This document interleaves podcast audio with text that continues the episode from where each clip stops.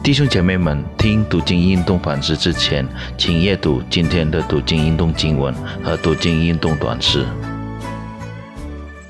主内亲爱的弟兄姐妹，大家早上好！欢迎大家参与今早的读经运动的反思。今天是九月二十二号，今早的主题是不被丢弃。经文取自诗篇二十二篇。思考上帝的话之前呢，让我们同心祷告。天父上帝，我们感谢你再次给我们新的一天，让我们来到你的面前来思考你的话，帮助我们，让我们能够安静我们的心思意念，精心的来听你的话。圣灵在我们心灵动工，让我们能够明白。把以下的时间恭敬的仰望，祷告奉主耶稣基督的生命所求，阿门。弟兄姐妹，我们今早读的这段啊经文呢，诗篇二十二篇。以一个令人不安的场景开始，就是有一个认识并相信耶和华的人，他算是耶和华的子民，但却被丢弃在悲惨的境地，没有人帮助。耶耶和华好像沉默着，诗人的仇敌嘲笑他，他感到绝望，失去所有的力量。诗人一开头就呐喊着：“我的上帝啊，我的上帝！”为什么离弃我？为什么远离不救我？不听我哀哼的言语？我的上帝啊，我白日呼求你不应允，夜间呼求并不助声。我相信，在信仰的旅程中，我们或多或少会经历，好像诗人一样，感觉到上帝好像离弃了我们，我们的祷告。不被垂听，上帝好像离我们很远，我们根本经历不到他的同在和平安。然而，当诗人面对苦难的时候，他再次将目光转向耶和华，他在祷告中向上帝呼求，他相信上帝并不是真的离弃他，上帝会帮助他。这首诗篇呢，将我们从一个极大的困苦。苦难带入在耶和华里的极大喜乐。大卫的诗篇呢，以诗歌的形式揭露了大卫一生中许多令人心酸和痛苦的例子。大卫在登上以色列王位前后呢，都生活在危机和贫乏中。在这段经文的诗篇二十二篇，大卫描述了他的失落，他就像一条被人们辱骂和鄙视的虫子。六和八节，强大的敌人呢，比如成群的公牛和犬类包围着他，准备像狮子一样扑来。十二节、十三和十六节，敌人的碾压让他身心无力，如水被倒出，关节被脱臼，心如同心如同蜡被融化，精力和如瓦片被枯竭。舌头被粘住，说不出话来，甚至感觉自己像一个将死去的人一样。十四和十五节，这里明显的让我们看到大卫生活在低潮当中。弟兄姐妹，任何人都可能处于像大卫这样的生活。然而，凭着信心呢，大卫仰望上帝为他的生命会给他帮助和支持。使他能够重新呢感谢和赞美上帝。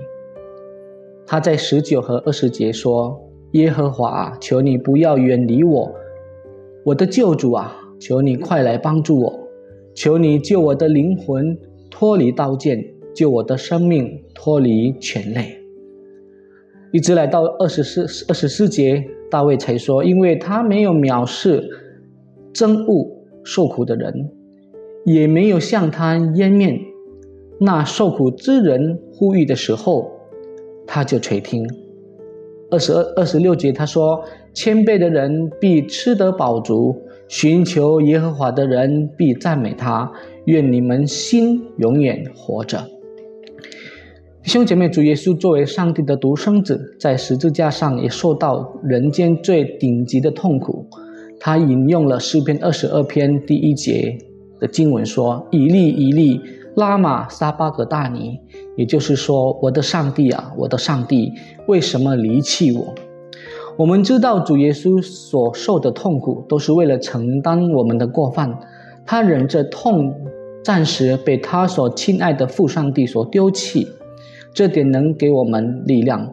我们的主也曾经经历人间最大的苦难，所以他能明白我们的痛苦，也为我们的苦难预备出路。弟兄姐妹，被上帝丢弃是一种非常悲伤的心情和状况。当主耶稣接受上帝对我们罪孽的审判的时候，他承担了我们的痛苦。现在，因为复活以及得胜的基督，让我们看到上帝的应许不会丢弃我们，是值得让我们信赖的。在基督里，我们可以确信上帝不丢弃我们，他垂听我们的祈祷。当我们遇到生活困难的时候，上帝的同在，他的应许是我们最大的支持和安慰。正如主耶稣在人生最低潮的时候，他坚信父上帝。不会丢弃他，上帝肯定会拯救他。我们也一样，人生低谷是一个过程，而不是一个终点。因为基督的复活将给我们能力，学习他的样式，过得胜的生活。正如大卫在诗篇二十三篇第四节说：“我虽然行过死荫的幽谷，也不怕遭害，因为上帝与我同在。上帝的杖，他的肝都安慰我。”弟兄姐妹，你的生活正陷入低潮吗？你是否正觉得上帝离你很远？你是否觉得自己独自一个人背负着沉重的负担，没有人帮助？请仰望上帝，他必帮助你，使你坚强。让我们同心祷告，天父上帝，我们感谢你，感谢你再次用你的话来安慰我们。我们知道有罪的人。在这个犯罪的堕落的世界里面，或多或少会经历许多的苦难和痛苦。当我们数算日子的时候，我们会发现，我们的生活、生命是劳苦又被重担的生命。但是我们感谢你，因为我们有一位了解、明白我们人间痛苦的主，也就是我们的主耶稣基督。他曾经也来到这个世界上，世界上。经历了人间最痛苦的事，甚至要为我们的罪被钉死在十字架上，受受到那一个人间最大的咒诅。因为他经历过，所以他明白，他要安慰我们。我们感谢你赐给我们这样的一位救主。我们要把我们的生命完全的交在你手里，叫我们紧紧的依靠你，抓住你的手，相信在任何的情况中，你都不会离弃我们。所所种种的苦难，都是一种的考验，让我们更加的懂得依靠你，明白我们人是有限的，是软弱的，离了你，我们不能做什么。我们把我们的生命完全的交托，把我们的家庭、我们的事业、我们的工作、我们的啊，周围的弟兄姐妹、朋友们，完全的交托，求神你继续的带领我们，赦免我们一切的过犯，奉主耶稣基督的生命求。阿门，谢谢大家，再见。